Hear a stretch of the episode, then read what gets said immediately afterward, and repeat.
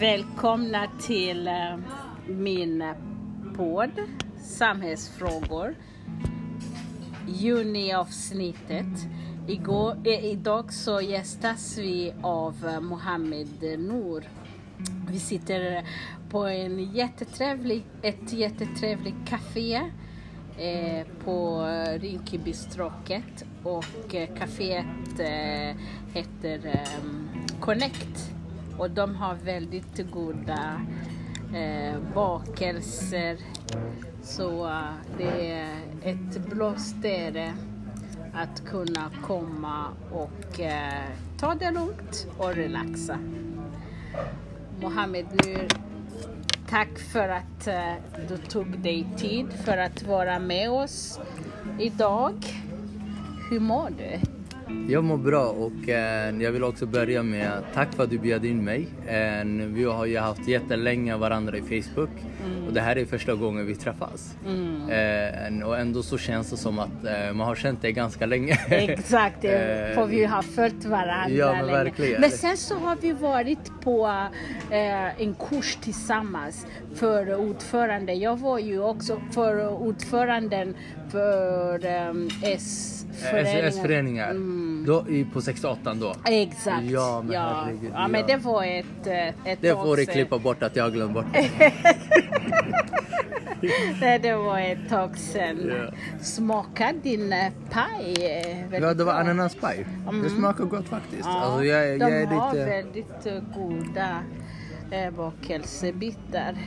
Nej, jag har precis ätit eh, två sambusa. De eh, var väldigt goda. Så, sambusa blir man aldrig besviken på. Nej. Jag, jag, jag, jag är jättepetig när det kommer till kafeteria. Jag bara äter morotskaka.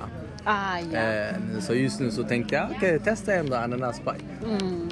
Men du eh, eh, Mohammed, jag är ju jätteglad, mycket glad och tacksam för att eh, du kunde hitta eh, en lucka i, i din eh, almanacka. Jag vet att du är ju alltid upptagen med eh, eh olika åtaganden.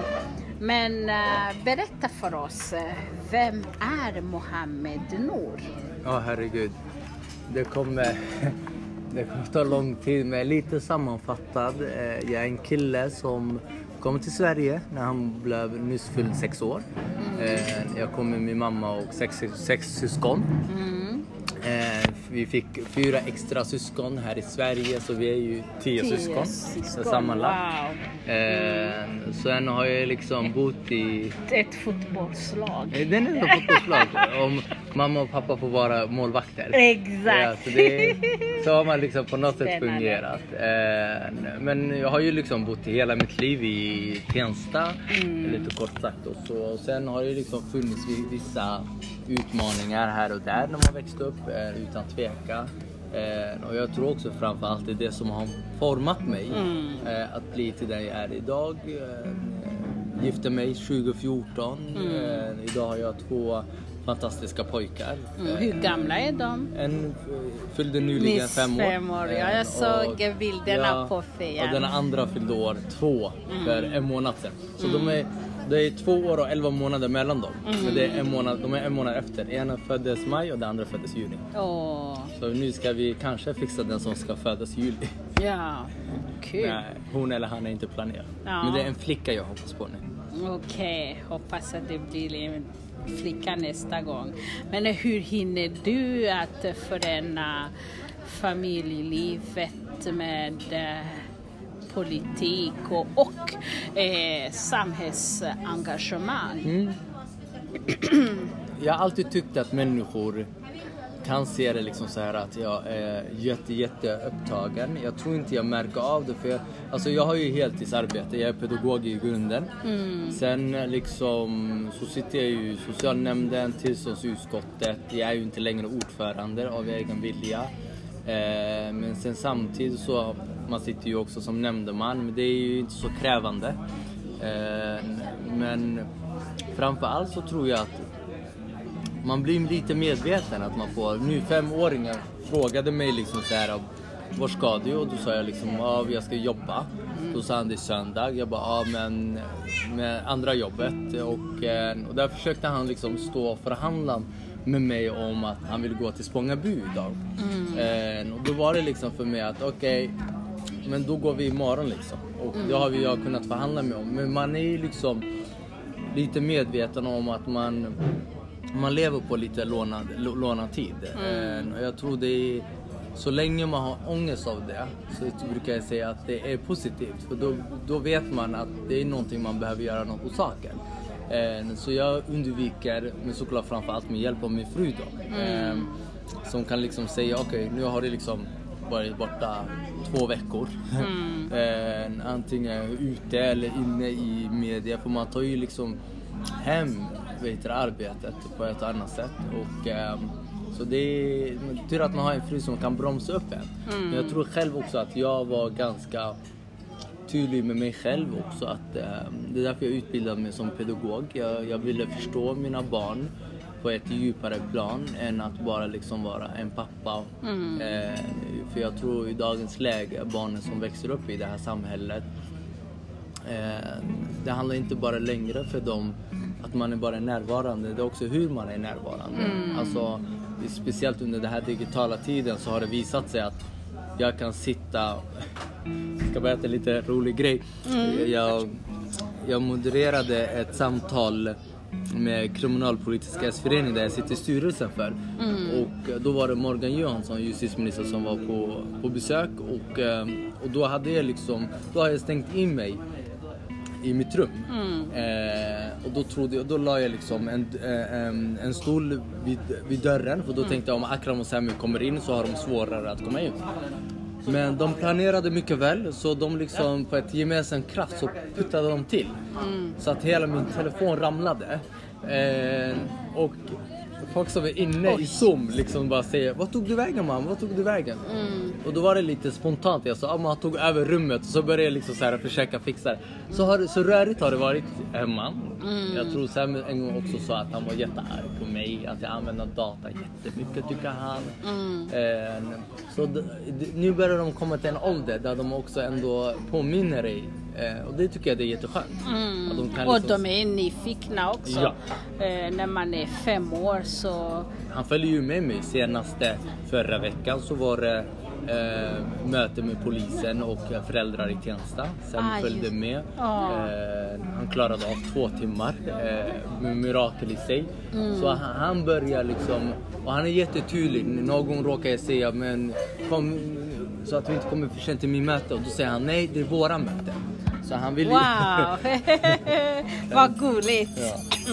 Men Mohammed, du är inte bara eh, lokalpolitiker, du är ju ehm, ett välkänt ansikte när man pratar om eh, Tensta.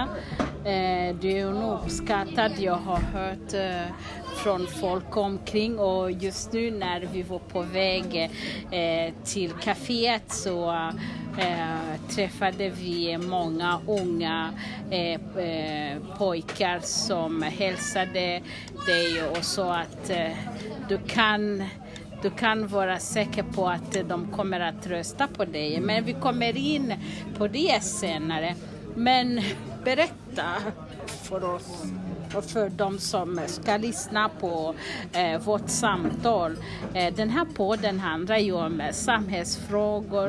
Eh, vi reflekterar kring eh, exist- existentiella frågor, eh, religion, kultur, politik, allt möjligt. Allt som eh, rör eh, vårt samhälle eh, och vi kommer in på det. Men hur hamnade du in i politiken? Hur blev du eh, eh, politiker, lokalpolitiker? Vad fick dig eh, att engagera eh, dig politiskt? Alltså, den frågan, jag önskade att jag kunde säga att jag drömde om det sen jag var fem år. Men så är det inte faktiskt fallet. Jag, ehm, jag, brukar, jag har fått den här frågan förut och då brukar jag liksom säga att eh, det är som att jag halkade in som att jag ramlade på en bananskal. Alltså, det, det var oplanerat. Alltså såklart, jag, jag jag har fått höra när jag liksom gick i lågstadiet så var jag redan intresserad av samhällsfrågor och sådär. Och, ehm, tro eller ej, jag var monarkfanatiker. Alltså jag älskade monarki. Jag läste jättemycket om det. Eh, så jag, konstigt nog så vet jag mycket om eh, kungafamiljer sen innan Bernadotte. eh, så det har alltid varit ändå på ett sätt så här, min intresse. Men sen som jag sa innan när du frågade vem är Mohammed och sådär. Så jag, när jag var väl 15 år någonstans där så tror jag att jag började liksom bli eh, en pojke som var skoltrött, eh, liksom testade gränser hemma. Och eh, det ledde ju ändå till att jag flyttade till fosterfamilj, ungdomsboende. Så jag hamnade ju ändå på ett och annat sätt in i systemet. Innan, eh, jag skulle nästan säga att systemet valde mig än att jag valde det.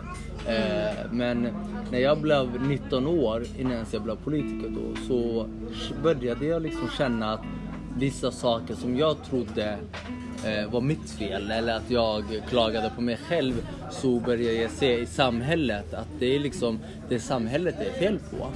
Och när jag liksom märkte det så blev det en helt annan befrielse i, i mina tankar i alla fall. Eh, och 20, 2014 där så träffade jag en, en vän till min pappa. En nuvarande partikamrat, eh, Ali Salad, som är regionpolitiker.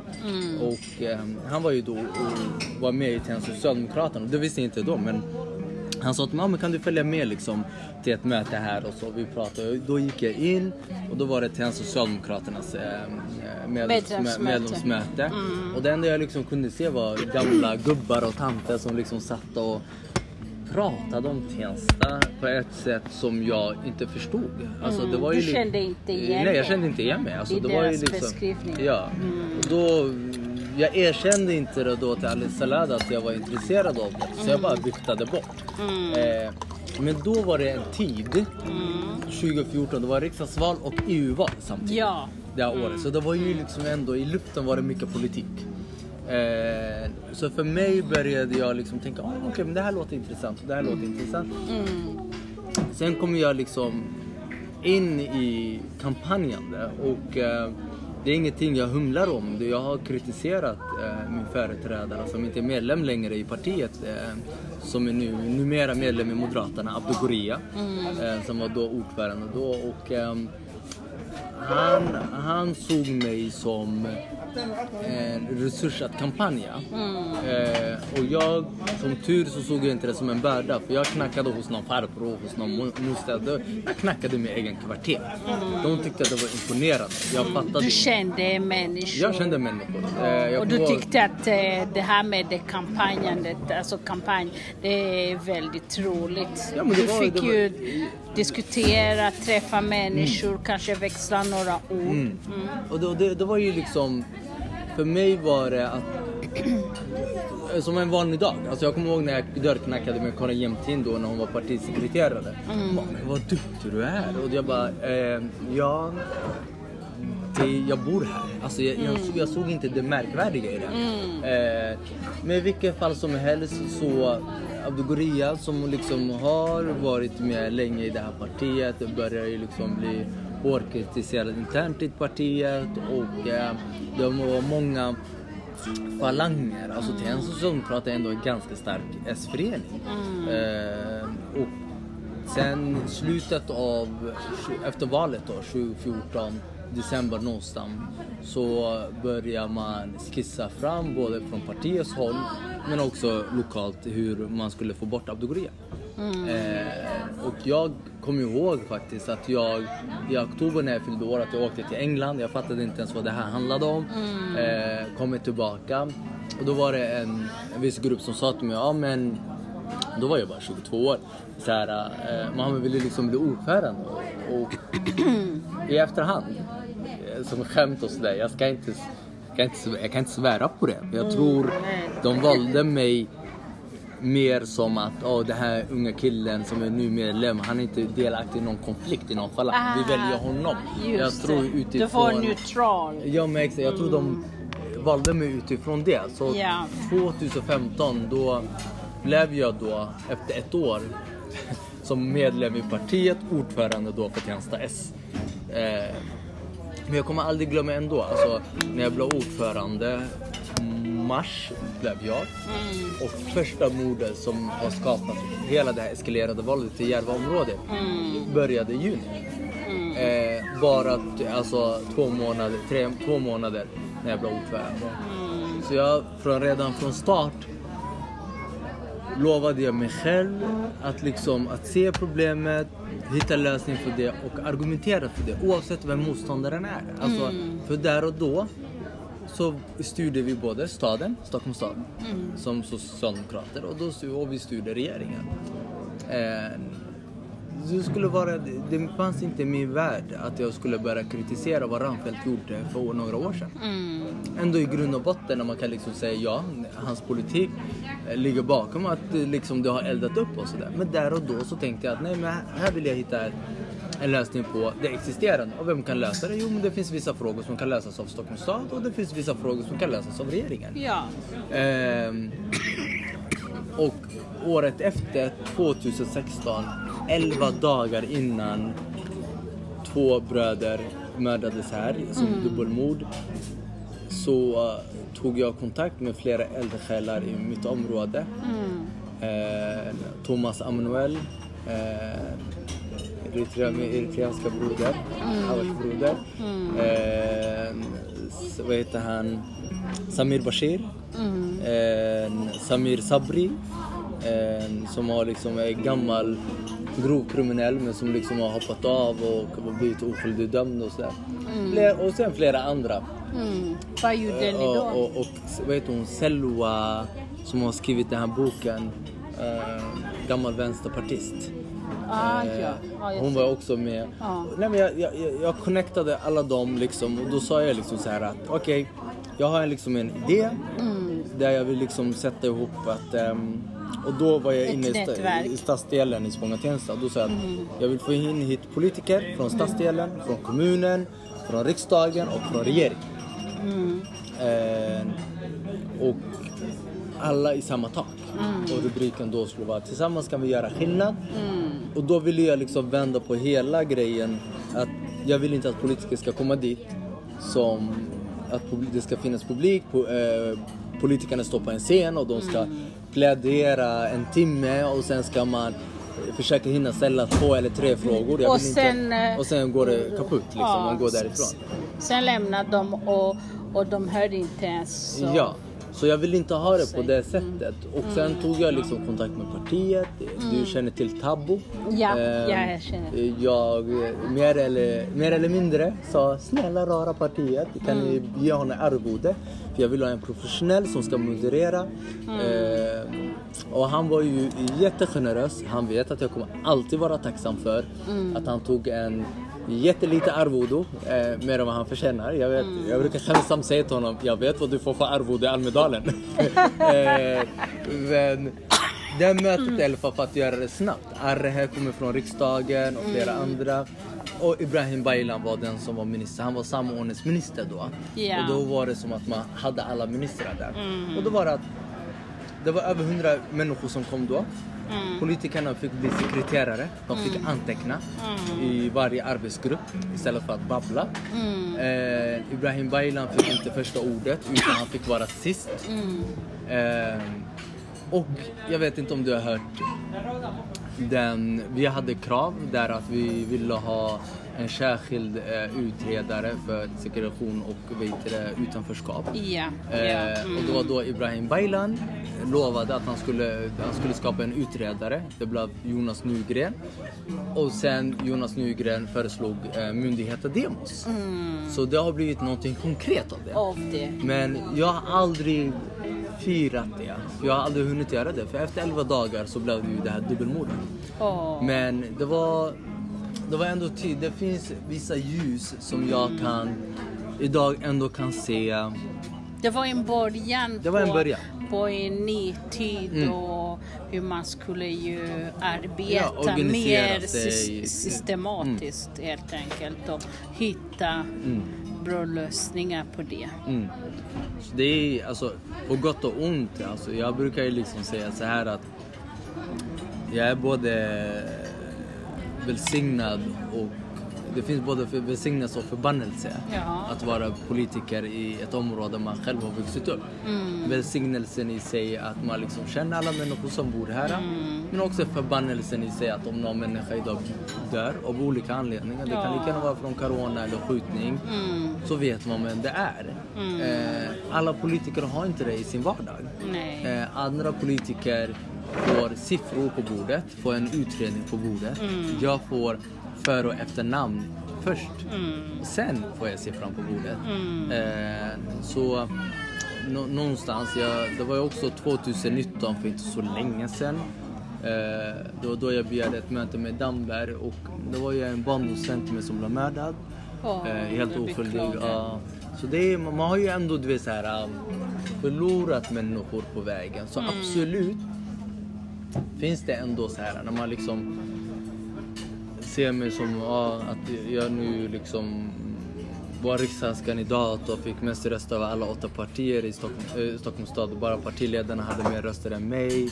Och när jag är ersättare och det är liksom, man, man, är, man är känd och hej och hå. Jag har inte kunnat fira det på det sättet som för att jag liksom ändå känner att det finns många unga killar idag som liksom inte har haft den chansen. Ja, alltså jag, jag, blir 30 år i oktober. Det finns människor som inte ens kunnat fylla år 25 år. Mm. Ja, vad tragiskt. Eh, ja, och det Beklagligt. Så det är... mm, Ja. Eh, Jag eh, håller med dig i det du beskriver, Mohammed.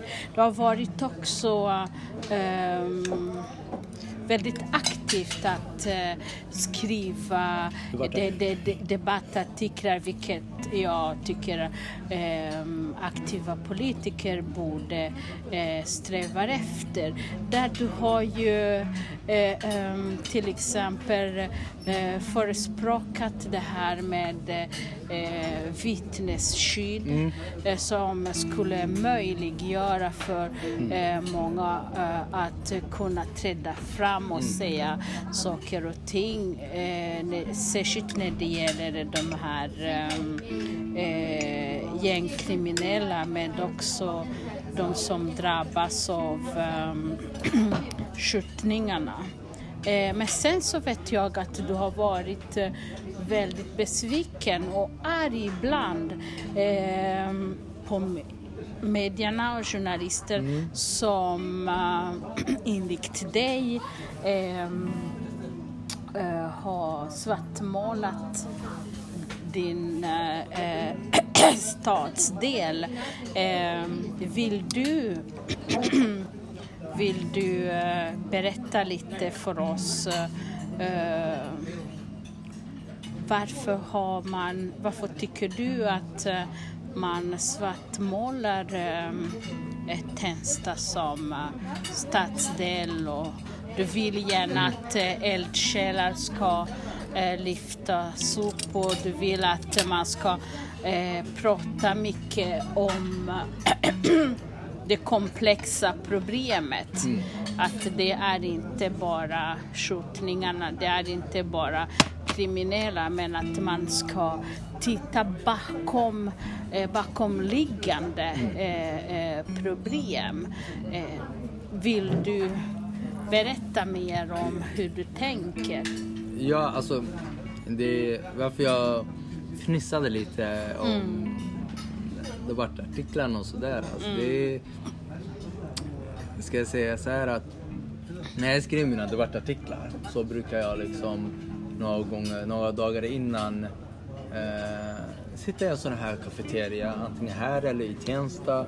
Liksom få känna liksom pulsen på folk, vad är det de pratar om, vad är det de liksom tycker eh, idag är dagens problem men också imorgons problem. Och sen utifrån det, den känslan skrivare. Eh, jag vet ändå att när partiet ändå tycker att det är olyckligt så brukar jag brukar aldrig skicka mina debattartiklar genom pressavdelningen i vårt parti. Eh, utan jag skickar ut det och, eh, och några gånger det är att det handlar om att jag vill stå för det själv men också några gånger att man inte håller med mig om sakfråga.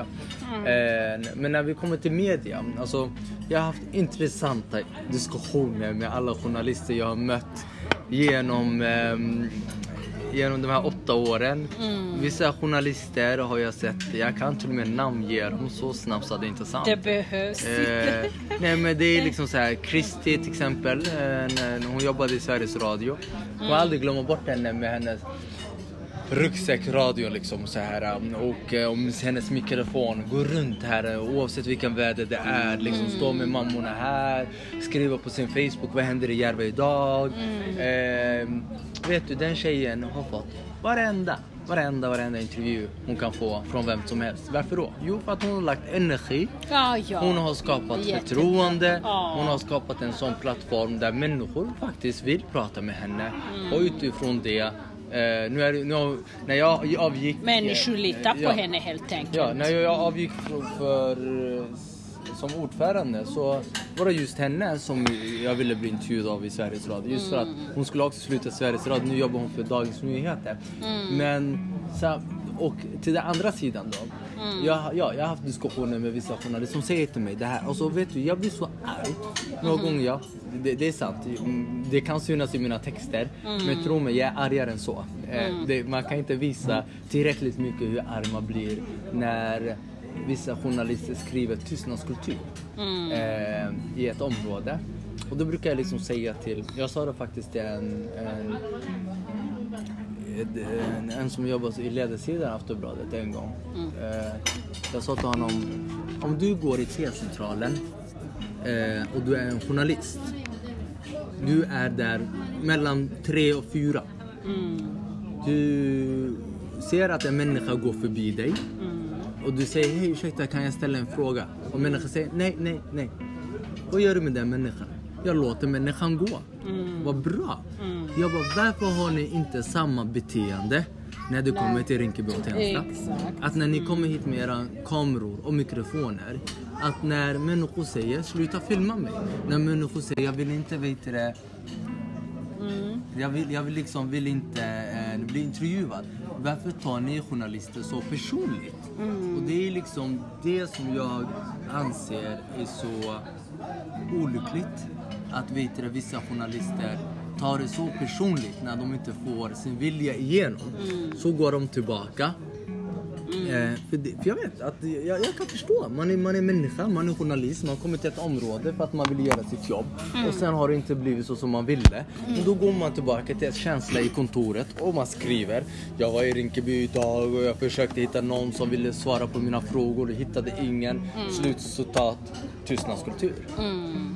Vad är, vart har, varför tar ni människor från friheten? Alltså varför tänker ni inte tvärtom?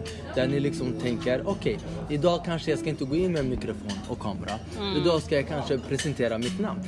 Det tar lång tid att skapa ett förtroende. Ja, Testa det. Mm. Inte liksom, och sen finns det ju också etablerade journalister som anser sig att Ja men jag har ju liksom varit här i 20 år och människor känner dig.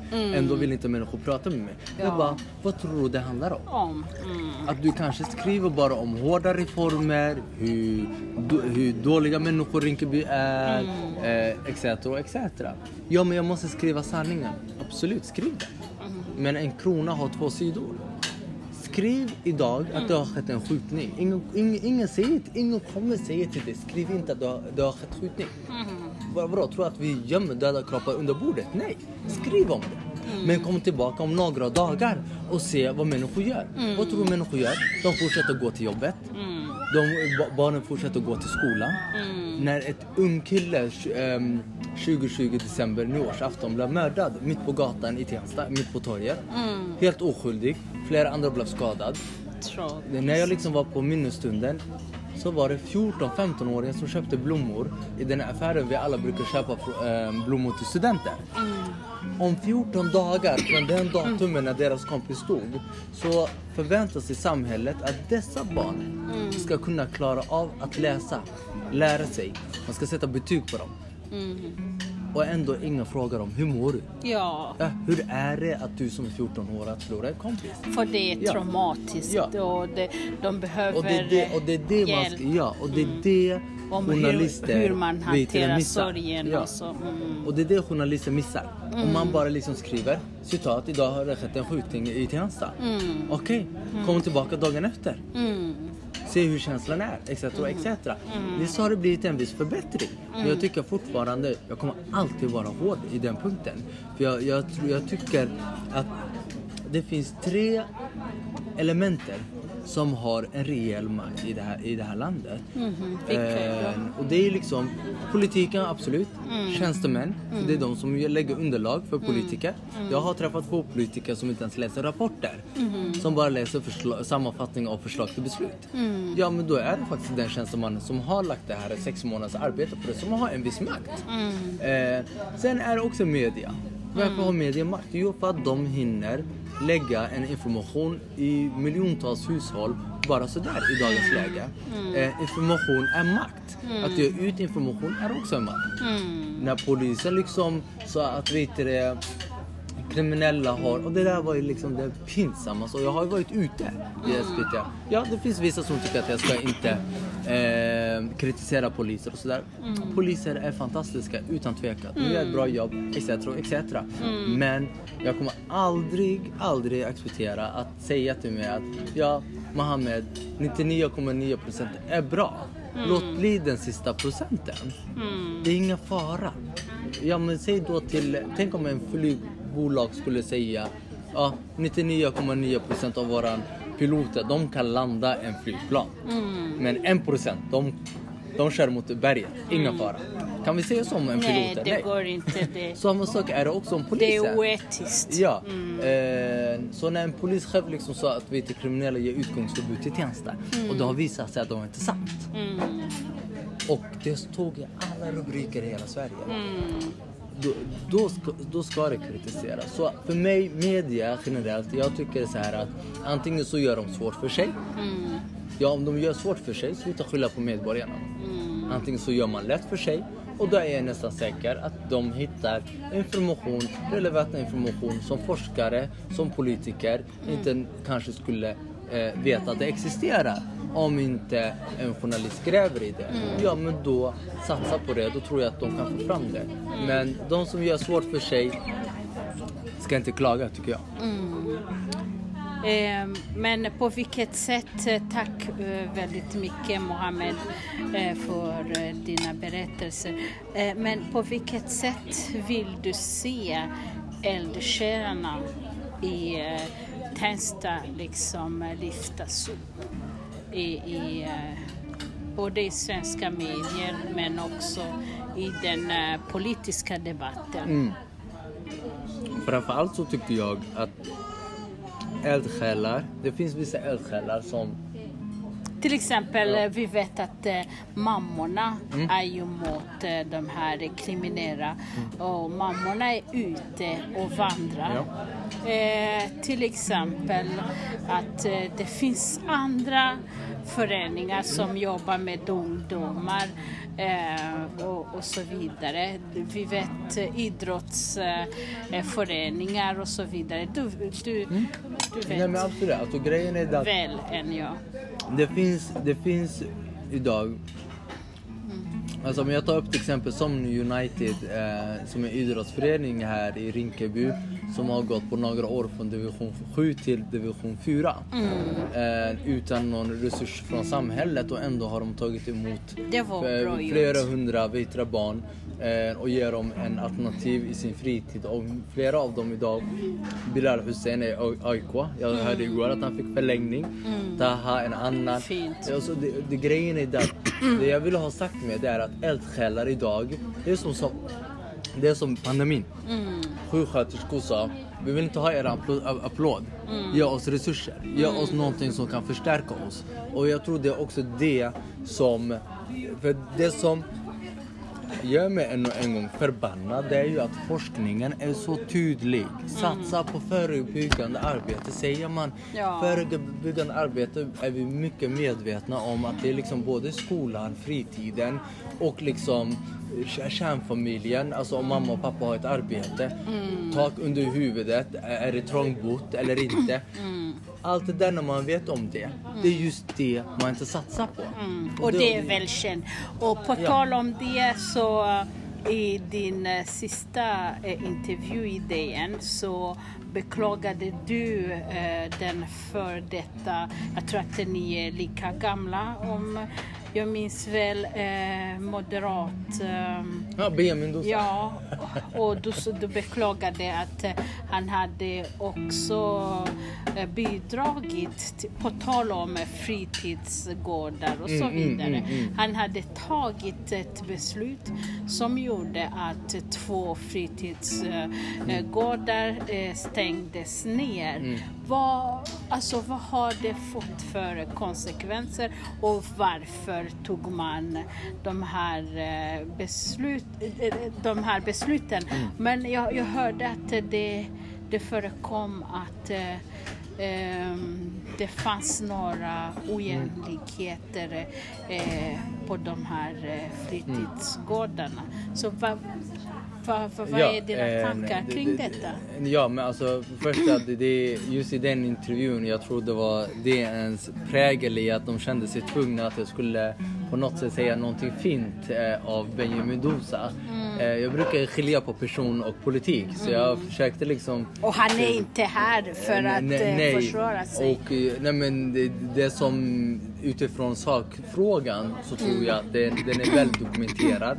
Jag tyckte det var jättebeklagligt att, det, eh, att, att Benjamin Dosa, eller Moderaterna ska man säga, har lagt ner två fritidsgårdar Enstaka... Alltså, har man hittat...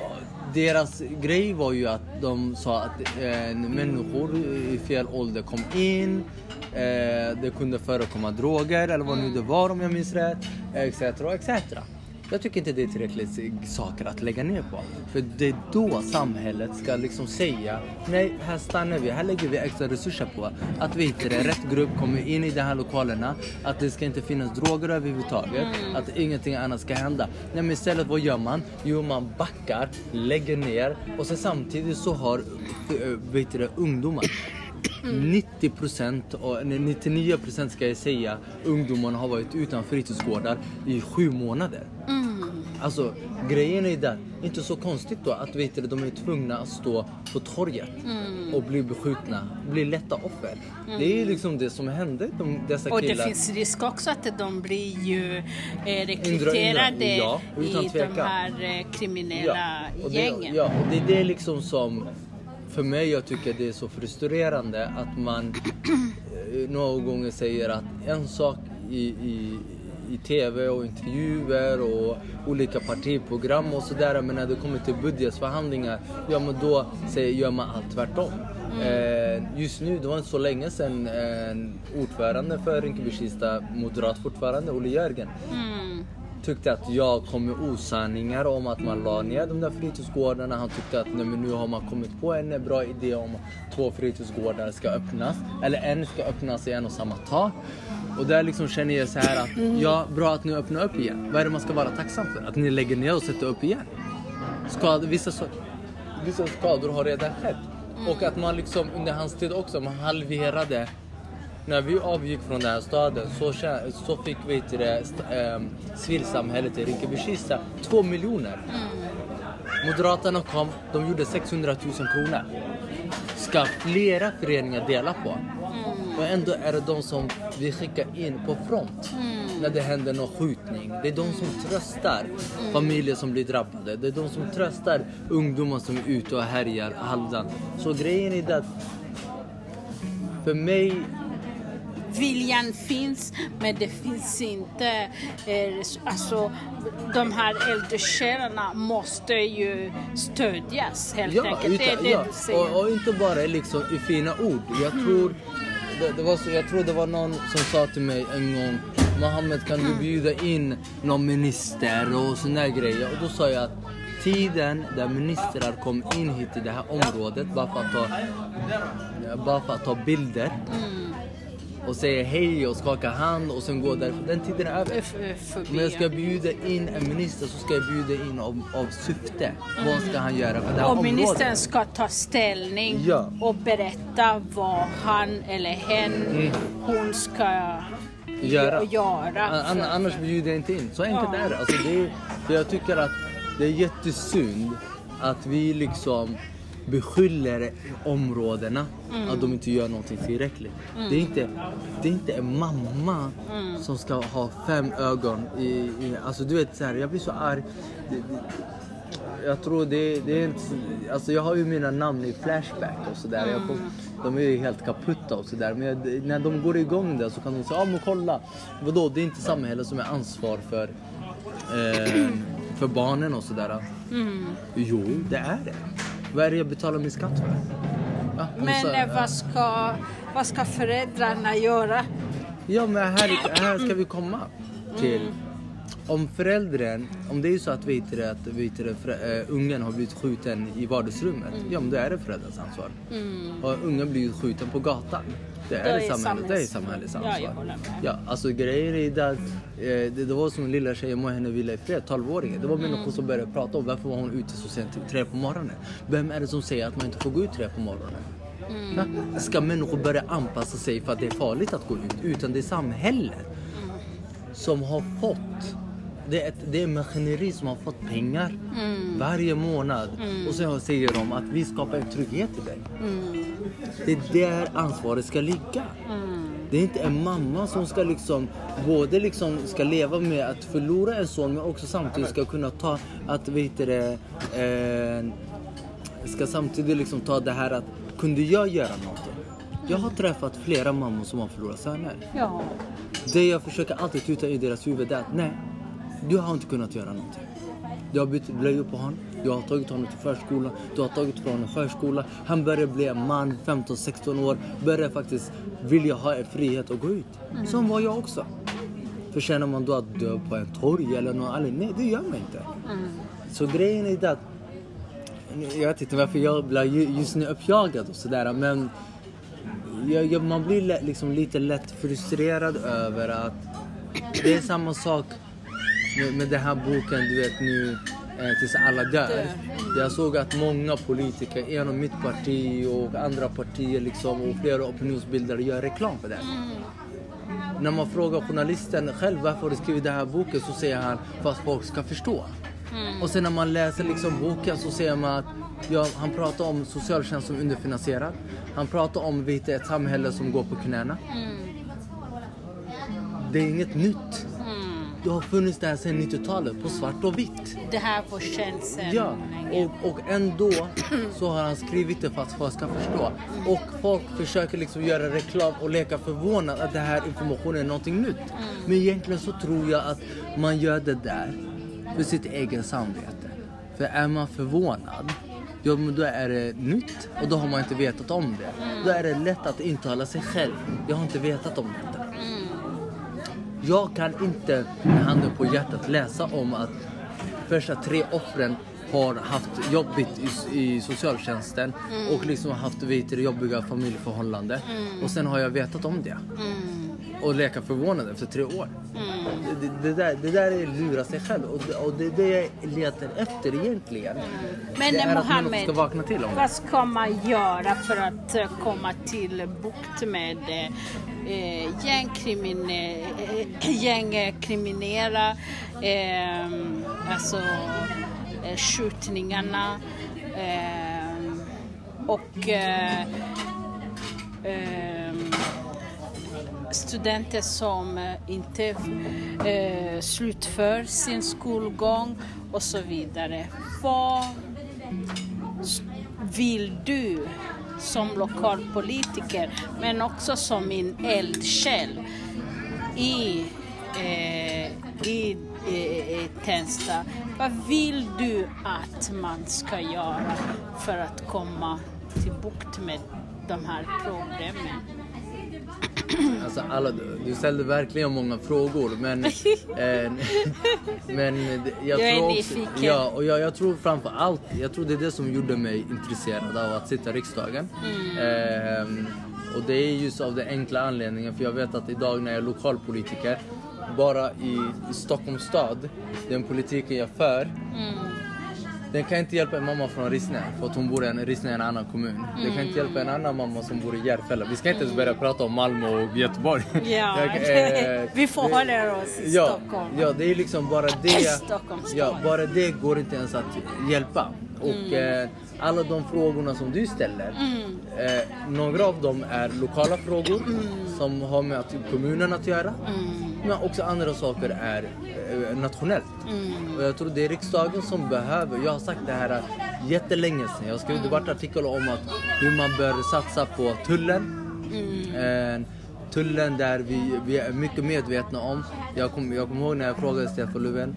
Finns det en vapenfabrik i Tensta? Nej sa han. Finns det en narkotikalaboratorium i Tensta? Nej. Då betyder det att det har kommit in vete från ett annat ställe. Ja, det har du gjort det. Men det är där du ska täppa till. Det är där du ska sätta resurser. Så vet att utrikesministern och inrikesministern har varit i Balkanländerna nyligen. För sent i min mening. Jag slog larm om detta för fem år sedan. Ja. Eh, bra att man börjar med det nu. Men där tycker jag att man ska täppa till att vapnet inte kommer in till det här landet. Jag vill att man ska täppa till att vet du, narkotika inte kommer in i det här landet. För sakens natur tillhör att när jag växte upp började man bråka. Om du och jag började bråka, det värsta som kunde hända är att du använde dina nävar. Men idag så är det ungdomar som är 17 år som har narkotika i huvudet, har en pistol här. Bara att jag liksom förelämpar det på ett litet grej kan göra så att jag blir så paranoid och använder pistolen och skjuter. Det är fruktansvärt. Ja. Det är... Så det måste man ta bort, narkotika och vapen. Det är de stora stenarna som ställer till jättemycket. Sen framför allt så hoppas jag på, utan att vara långrandig, N- New York när de, de hade maffiaproblem. Ja. Eh, För ett tag sedan. ja, under 70 och 80-talet. FBI höll på det i 12 år. Ja. Att gripa, ta, gripa, nästa person kommer ut. Gripa, ta. Till slut, de tänkte vi kan inte hålla på så här. Då, de gick, då gick de på en kurs och de sa att kolla på det här laget, ni har redan på plats. Det står klart och tydligt, ni kan gå och kolla och ta fast de som är på högsta ledningen. Tar du högsta tu- tuppen, då fallerar allt annat. Sluta lägga energi på små ungarna som står på torget. Det är inte de som är problemet. Problemet är de som är äldre som styr bakom kulisserna. De som vet att man ska inte stå på torget för då blir man gripen. De som vet att vet du, man ska inte sälja för då blir man gripen. Det är Ja. de polisen behöver gripa. För det är de som styr. Och efter, efter 12 år FBI fick reda på det här maffiafamiljerna, de hade en kommission. Fem familjer hade kommission. När man tog bort kommissionen, fem kommissionen, alla kort är raserade. Men innan, vad gjorde de? 12 år de slösade på att bara gripa de som var på gatan. Jag tror på ett ungefär sätt, ändå man inte går att jämföra USA och Sverige, så tycker jag fortfarande att vet det, man, man, man bör, det, sat, det man bör finns satsa på. lärdomar att, Ja, det finns många lärdomar att det. ta, ta del av. Mm. Så satsa på den punkten. Men när det kommer till förebyggande arbete. Ja, 2015, killen som var fem år idag, vad är han? Han är 11 år. Ja, för år, ja. Vad har vi gjort för honom?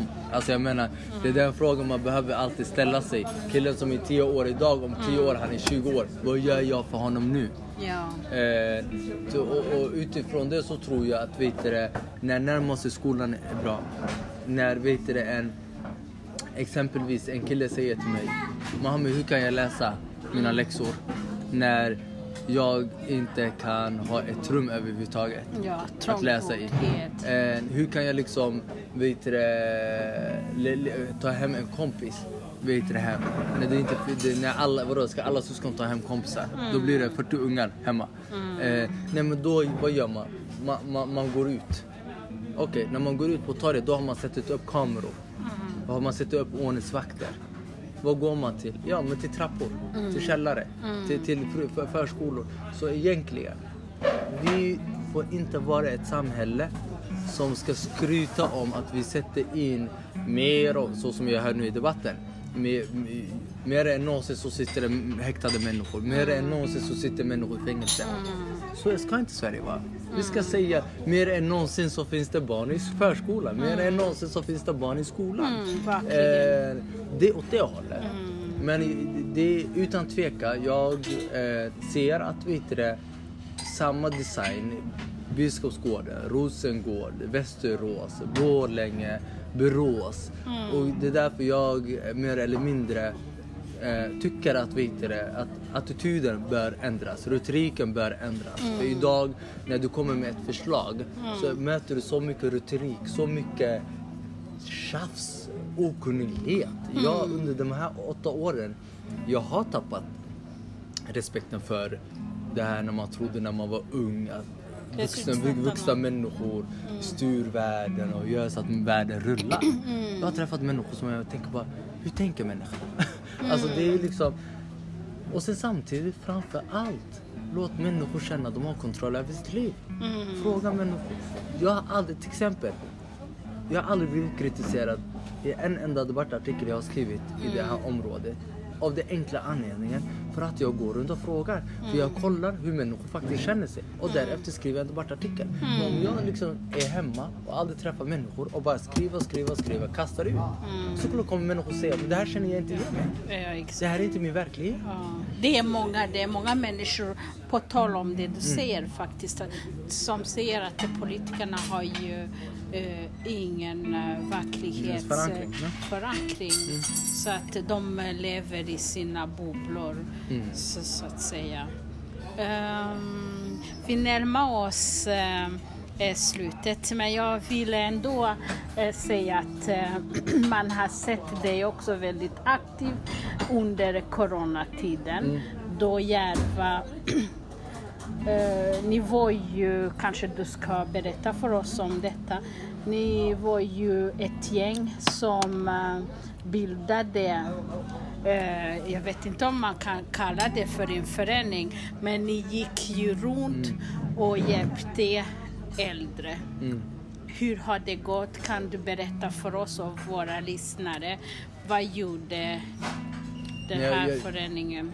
Jag ska inte, ja det, det är inte för, sig en förening utan det, hetat, det var några vänner som Anders Österberg som är partikamrat och riksdagsledamot. Esme också. Och, Esme, Galina, Ja. eh, David Oka Persson och flera andra liksom. Och den här ri- riksledamot... eh, Anders Österberg. A- Ja. Anders, eh, ja. Eh, och i tidigt skede så handlade det egentligen mycket om att, du vet, att vi skrev på olika språk, vi ville liksom få ut det gick bra och det, sen kan vi inte påstå att vi har nått alla och sådär men det var ju liksom såklart en uppskattad, en kopierad eh, idé. Efter när vi har liksom har gjort det så har det spridit sig i Hela landet. Till, till, flera, till, till flera områden. Ja. Mm. Eh, men jag tror också, vi märkte jättetidigt att det, jag är ju långt ifrån sjukvårdspolitiker. Eh, Men är- jag kommer, jag kommer eh, också, eh, eh, jag avbryter inte dig, men Mm. du, du är ju bland dem, jag också var en av dem som reagerade på Ebba Busch eh, Mm. eh, debattartikel där eh, hon la eh, skulder Mm. på, på de som drabbade drabbades av eh, corona. Eh, hon menade att eh, ja, om det är ju eh, många som dör i, i Tensta och i, i, i Järva så är det på grund av att de inte kan läsa svenska och inte kan läsa rekommendationerna från Folkhälsomyndigheten. Vill du också prata lite om det? För Ja, hon hon- hon gjorde eh, pandemin till att bli pandemin som är ju en eh, global fråga. Mm. Eh, hon gjorde vände det till eh, en kulturell Mm. eh, fråga. Alltså det, det är som, jag ska säga så här, människor man lär känna dem när man är i kris. För att det hon failade på, det är ju framförallt att det här var så globalt så att det är omöjligt för någon att få det. Det var på somaliska TV, det var på arabiska TV, Exakt. det var på alla de nationaliteter. För det är en pandemi, det är liksom globalt. Och att hon på ett, eh, ett konstigt sätt skulle liksom tro att vissa människor är så pass ehm, utanför samhället att de verkligen har hört om detta eller hur man ska liksom... Mm. Eh, det var ju en, vi somalier är ganska bra på att skämta och sådär. Och eh, det var en äldre herre som sa till mig vad fan är det hon säger? Jag ber fem dagar, eh, fem gånger per dag och då tvättar jag händerna, fötterna. Yeah. Ja. Jag tvättar mer händer än vad hon gör. Ja, det var exakt, liksom, exakt. eh, men hon startade någonting som var fruktansvärt utan tvekan för att så mycket hatstorm som svensk somalier, för jag var ute i SVT också. Där, Ja, jag minns det ja, där också. man liksom var överlycklig, applåderade att svensk somalier dog. Det var människor som skrev att Sveriges AB, alltså man gjorde det till Sverige som ett företag, är glada över att man slapp vissa och etc. Några saker till som jag inte ens vill återberätta.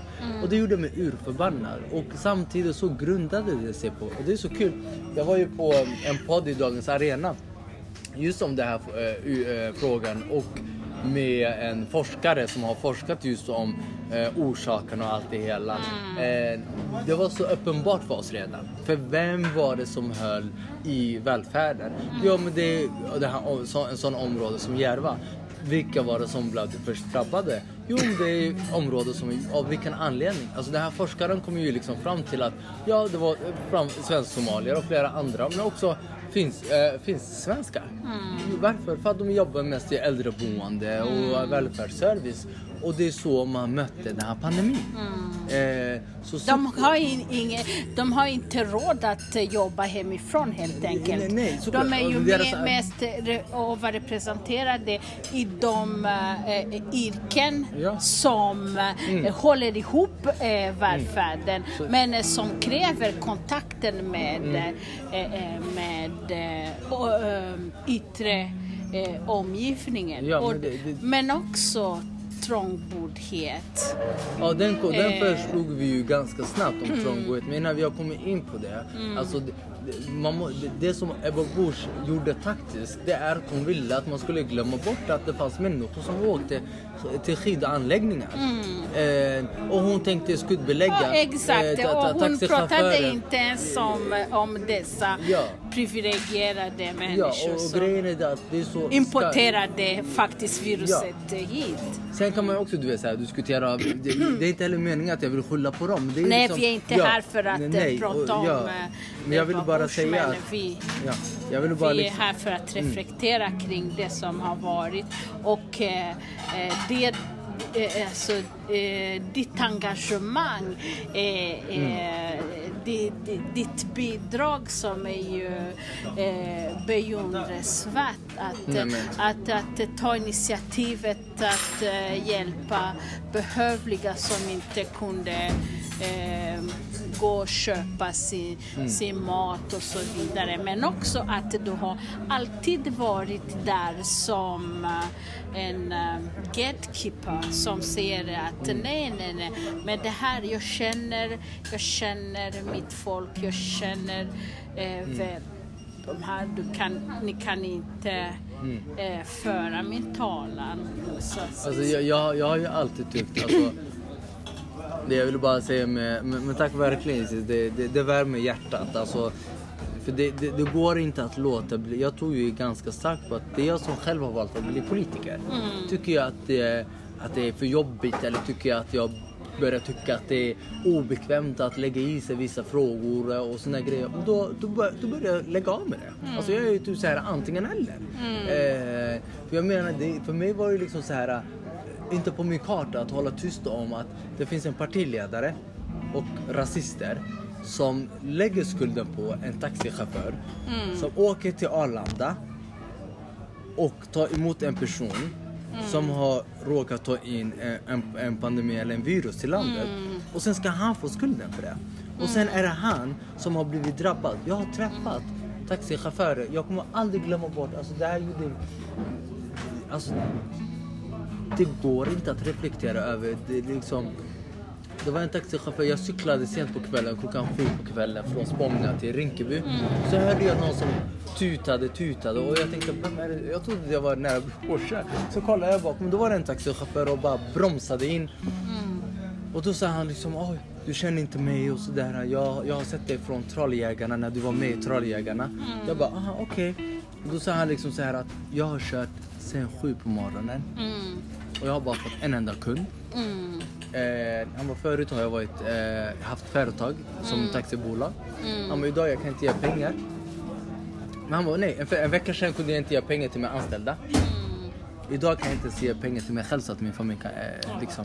Så d- d- dessa människor har inte bara fått viruset, de har både förlorat liv men också samtidigt förlorat ekonomi. Mm. Och där står människor magstarkt och försöker liksom hitta en vinkel hur de ska attackera ännu mer.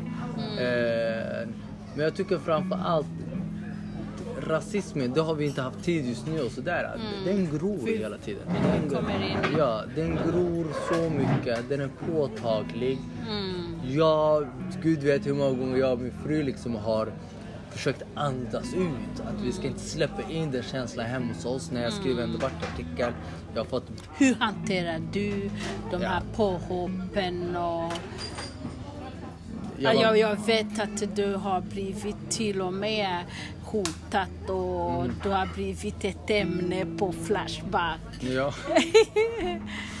Hur hanterar du Det finns ju så den jag, dagliga jag tror jag skämtade, jag tror jag. Mm.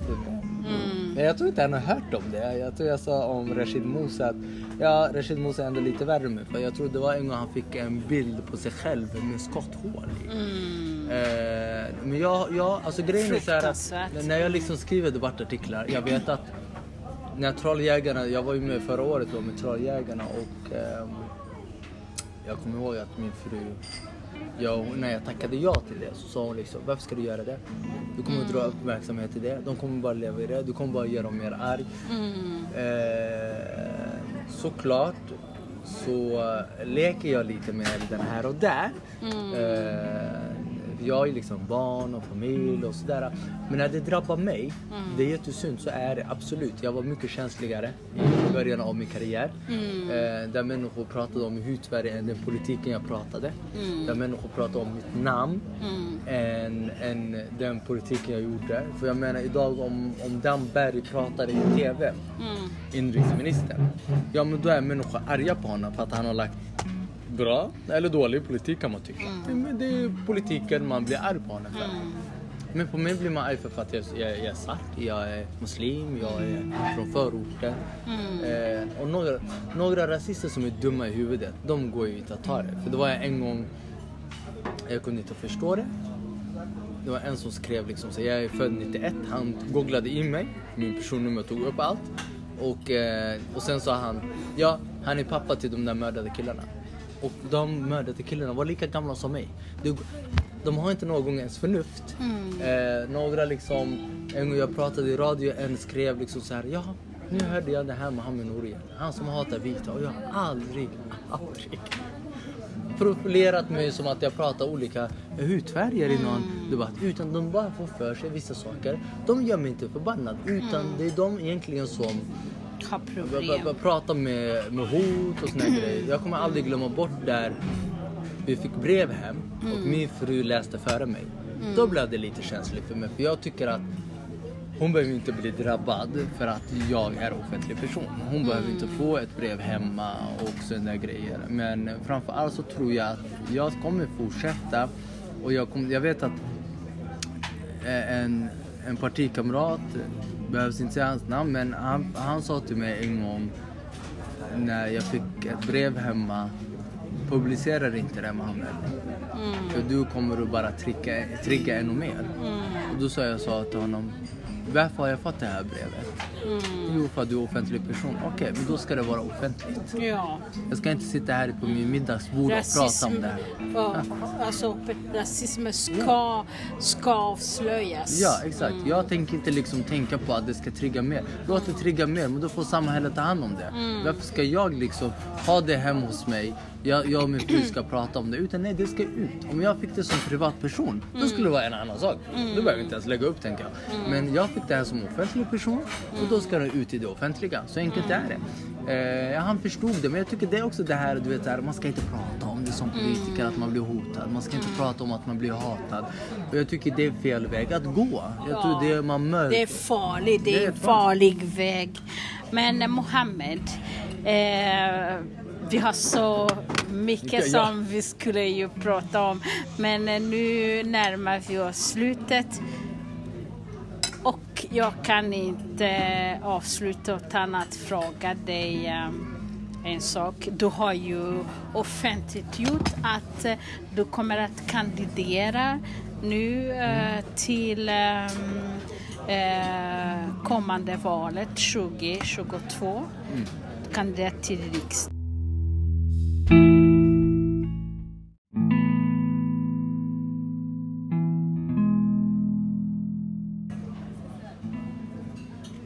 Ja. ja. Jag, jag, brukar liksom börja med andra ändan när folk frågar mig varför, vet det, varför, varför kandiderar du inte till kommunfullmäktige och till riksdagen? Och då brukar jag alltid liksom svara att idag som eh, kommunpolitiker i Stockholm så är det ändå människor som ringer mig från Göteborg, det är människor som ringer mig från Umeå, från Västerås, från, eh, från Malmö. Eh, Umeå var lite speciellt för jag kommer aldrig glömma det. De sa liksom Mohammed, det som händer i Umeå just nu det är något som hände i Stockholm för åtta år sedan. Hur ska vi göra det? Hur ska vi göra det här? Hur ska vi göra? Och då har jag liksom känt så här att nej men vet du vad, det är utmaningar och eh, eh, struggle som finns i mm. Rinkeby, Tensta och i Stockholm. Det existerar runt om landet. Mm. Eh, så jag har liksom i den andan har jag liksom velat bli 2018 riksdagsledamot. Eh, som du sa, redan fick de rösterna och idag är jag ju ersättare i riksdagen. Men utan tvekan så tror jag att det skulle göra många människor besviken eh, om jag inte kandiderade igen. Eh, för någon gång så tror jag att många människor tror att man har ett val. Att liksom mm. säga så här, ah, nej nu vill jag inte längre. Utan mm. jag tror jag, jag blev skräckslagen när jag fick så där många röster. Alltså att så många människor gick till en vallokal och la mitt namn. Eh, det är ett ansvarstagande, det är ett, en eh, stor börda. Eh, ändå när jag inte kom in så kände jag den här stora bördan liksom. Mm. Men jag utan tveka så vill jag ju komma in igen i riksdagen och samtidigt i två olika saker. Ena lagstiftningen som jag anser att det, den behöver i existerande form mm. försvaras i vissa saker. Men också samtidigt eh, putta bort eh, Sverigedemokraterna och andra medlöpare. Att liksom röra lagstiftningarna så att det inte rör sig till Danmark-hållet. Mm. Eh, för idag hör vi mycket att eh, Moderaterna säger att Danmark går det, Danmark går det. Så mm. det, har liksom, det har liksom blivit som en refräng. Eh, mm. Men också samtidigt så utan tveka så vet jag att vitre människor. Eh, idag har vi ingen afrosvensk kille i min ålder i riksdagen. Eh, Söjligt. Ja, och det... Generellt så har vi, vi har knappt två två mm. eh, riksledamöter med eh, afrosvensk påbrå mm. i riksdagen.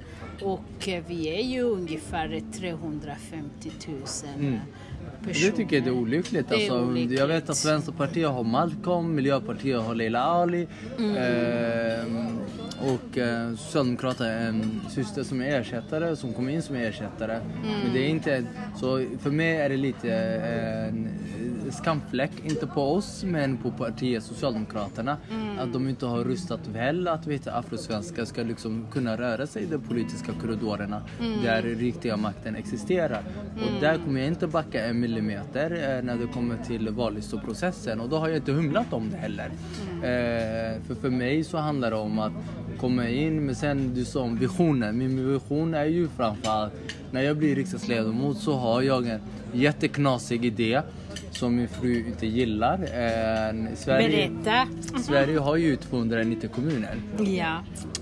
Jag ville ha det som mål att under de fyra års mandatperioden att hälsa på de där 290 kommunerna. Mm. Eh, det kommer bli mycket resande i tåg men jag tror jättestarkt på 2018 så gick jag till Malmö exempelvis och pratade om valdeltagande. Det var så mm. fascinerande.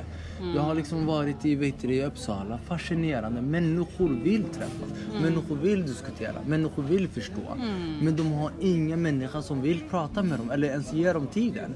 Mm. Eh, så för mig så handlar det om du vet, så här, att kunna gå till till exempel Malmö så vet jag att oj, Socialdemokraterna styr där.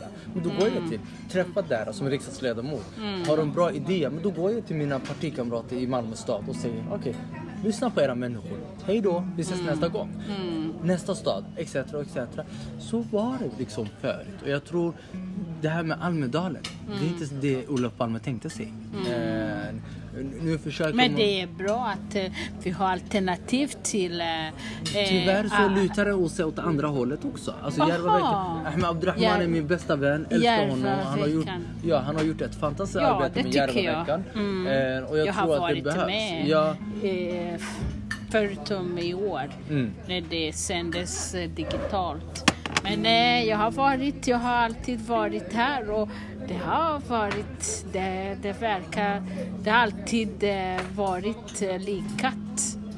ja, det, är, det är inte så att jag säger att det, det alltså Almedalen exempelvis, varför Mm. den har misslyckats, det är ju att lobbyister Ja, och har eh, politiker över. Mm. har tagit över. För idén i sig är bra. Den har alltid varit bra.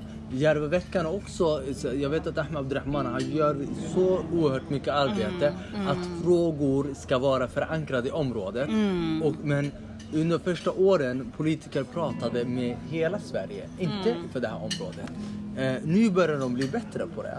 Så jag tror absolut, jag, jag brukar alltid liksom säga att jag vet att många människor liksom försöker, ah, Järvavecka är det nya Almedalen. Jag tror inte att Ahmed, Ahmed Abdurrahman vill inte eh, den där jämförelsen. Jag, jag tror att den Järvaveckan ska vara just Järvaveckan. Eh, Det är ett ja, nytt koncept. Det är ett nytt koncept Ett med sina egna vingar. Till, ja. Ja. Mm. Men det, är- det är mycket som väntar. Men jag tror Men förutom att resa runt eh, om Sverige så kommer du eh, se till att eh, eh, det görs väldigt mycket nu för att kunna eh, eh, få bukt på skjutningarna i... Ja. utan, alltså, det- jag trodde det var en självklarhet men alltså grejen är det att för mig, och jag kommer alltid göra det, jag tror att vet du det, mitt parti, alltså det, är så, det är så roligt när partikamrater kommer lyssna på det här. Men jag vet att man är ändå lite orolig över att du vet Mohammed, man vet inte vart man har honom. För att jag är en sån här, och jag har varit jättetydlig. Socialdemokrater, alltså är det så att det är bråk, tjafs, debatt mellan socialdemokrater och moderater, då är jag lojal mot Socialdemokraterna. Men är det ett tjafs och debatt och krig mellan medborgarna och Socialdemokraterna, då är jag lojal mot medborgarna. Så den andan kommer jag fortfarande ha i riksdagen. Så är det så att du, det, en viss eh, vet du, det, eh, lag eller vet du, det, budget, vet det, förhandling missgynnar mitt område och flera områden i Sverige, då kommer jag svettas ändå om det är mitt parti som ligger bakom det. Så det, för mig så tror jag att människor letar inte efter, inte bara om rätt politik, men jag tror också så här att Människor vill att, du vet när människor frågar mig hur kom det sig? Hur kom det sig att, liksom att du, du, människor känner dig och hej och hå och såna grejer. Syns bland dem. Alltså det är liksom, det, det finns vissa människor som har sagt till mig tack för att du gör det du gör. Utan att jag aldrig faktiskt har lämnat en lösning till dem. Många människor tror att medborgarna är envisa, vill ha en lösning på alla problem. Nej, det är inte så. Någon gång så vill du bara att du ska bara sitta med dem och lyssna på dem.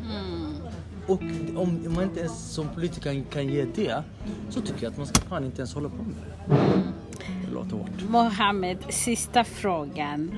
Vad- hur tycker du att eh, partiet, alla partier, borde eh, och vårt parti borde jobba aktivt för att eh, vara mer inkluderande? Jag tror, jag, tror jag, jag tar mig an Socialdemokraterna. De andra tänker jag inte hjälpa. Eh, men jag tror... men jag, jag lyssnade nyligen på Håkan Juholts dokumentär man gjorde om SVT. Jag tycker det är jättemodigt av honom att han tar upp bristerna som existerar i partiet, eh, som har existerat i partiet. Och vet det, jag, tyckte jag gillade liksom hur han sa, eh, och det är så fascinerande hur mycket minoritetsgrupper har gemensamt med människor från landsbygden. Eh, Håkan Juholt är ju från Småland så han sa ju liksom Ja, här i Stockholm så är det eh, PR-konsulter, journalister, politiker eh, som dricker rosvin och pussar varandra på kinderna. Bråkar då och då. Det här jag citerar honom, det är inte mina ord. Eh, dricker då och då och sen bråkar de då och då och sen eh, för att hålla fasaden. Men de är kompisar under utan. Och då sa han, det är omöjligt en person från Småland att utmana det. Så känns det också faktiskt eh, några gånger. Ja. Trots att jag tycker att man eh, måste vara modig och utmana de här mekanismerna Ja, som ja, exakt, finns, ja. som eh, håller borta eh, vissa människor. Mm. Det är eh, nästan eh, oförståeligt eh, hur man kan enbart ha eh, vi har ingen, har vi en till exempel en eh, riksledamot eh, med afrikanska påbrå nu under den här mandaten. Eh, I Socialdemokraterna? Eh, nej, vi har ju bara just den tjejen från, som jag har kommit in som ersättare för några månader så, och kommer sitta några månader. Så egentligen så kan man säga nej. Nej, det är olyckligt. Men vi har haft eh, enstaka. Ja, eh, enstaka har vi haft och jag tycker vet du, att det är så fantastiskt att vi Inte har haft mer det. än tre. Ja, och, men jag tycker att det är eh, så sjukt. Nej, jag tror vi har bara haft två. Det är bara Mariam Arhe jag känner till. Exakt, Och det exakt. Mm. har liksom varit flera år mellan dem. Och det måste ju komma på tapeten, det måste ju sägas, Mm. det måste lyftas fram. Det är ingen kritik. Eh, Jo, det, för, min, nej, för min del så tycker jag att det är en kritik. Jag, jag, jag ska det är ett medskick. Ja, nej men jag, jag tror jag ska vara ärlig om den kritiken och jag tror starkt på också att vi till det partiet eh, måste, eller jag säger så här, jag tror också vi afrosvenskar måste liksom organisera oss Ja, så att vi det partier med. inte ska bara komma undan. Alltså när Black Lives Matter fick eh, Palme, Palme. Pa, Palme, pa, Palmepriset så sa jag till Pierre när Ai- Aisha var mitt, mitt vittne. Nej men jag sa ju där att vet du idag när människor pratar om representation Ja. så tror man att eh, de vill bara att en, en, sva- eh, alla, eh, en svart kan inte liksom representera alla svarta. Det är inte det det handlar om. Det finns svarta personer som idag sitter på höga positioner som inte res- representerar. Det är inte det det handlar om. Ja, Utan det handlar om att en, en, en svensk somalier idag kan titta på mig och tänka jag vill att han ska sitta i riksdagen. I hopp om att jag tror att han har haft samma utmaningar som mig. I hopp om att tro att jag har haft samma utmaningar eller eh, samma utsatthet för rasism. Det är det människor letar efter representation när de ska fatta beslut. Men idag som en vit person, vet du det, om du vill prata, om, om du vill liksom tänka oj, eh, Tensta människor, vad är deras största utmaning när det kommer till rasism? Du som vit person kan inte veta det. Du måste gå och göra utredning. Men en, annan, men en person med samma bakgrund kan känna till det. Det är Ja, lättare. men kort sagt så tror jag att vet det, jag, Arhe och Mariam har gjort sin tid. Det är vi tacksamma över. Men det är liksom, den tiden är över. Utan nu måste man rysta fram inför framtiden. Ja, nytt blod. Och då, ja, och då tycker jag att Socialdemokraterna bör tänka efter. Att afrosvenskar, den tiden där de blundade till att de inte representerar den politiska makten. Den tiden är över. Sen om Socialdemokraterna är redo att vet vara en delaktig i den förändringen och den utvecklingen så är det upp till dem. Och de mekanismen. Det är liksom... Sen är jag ju så här att Sen älskar det var väl Aisha som igår skrev på Facebook, hon bara Det låter som att du ska swisha till Vänsterpartiet.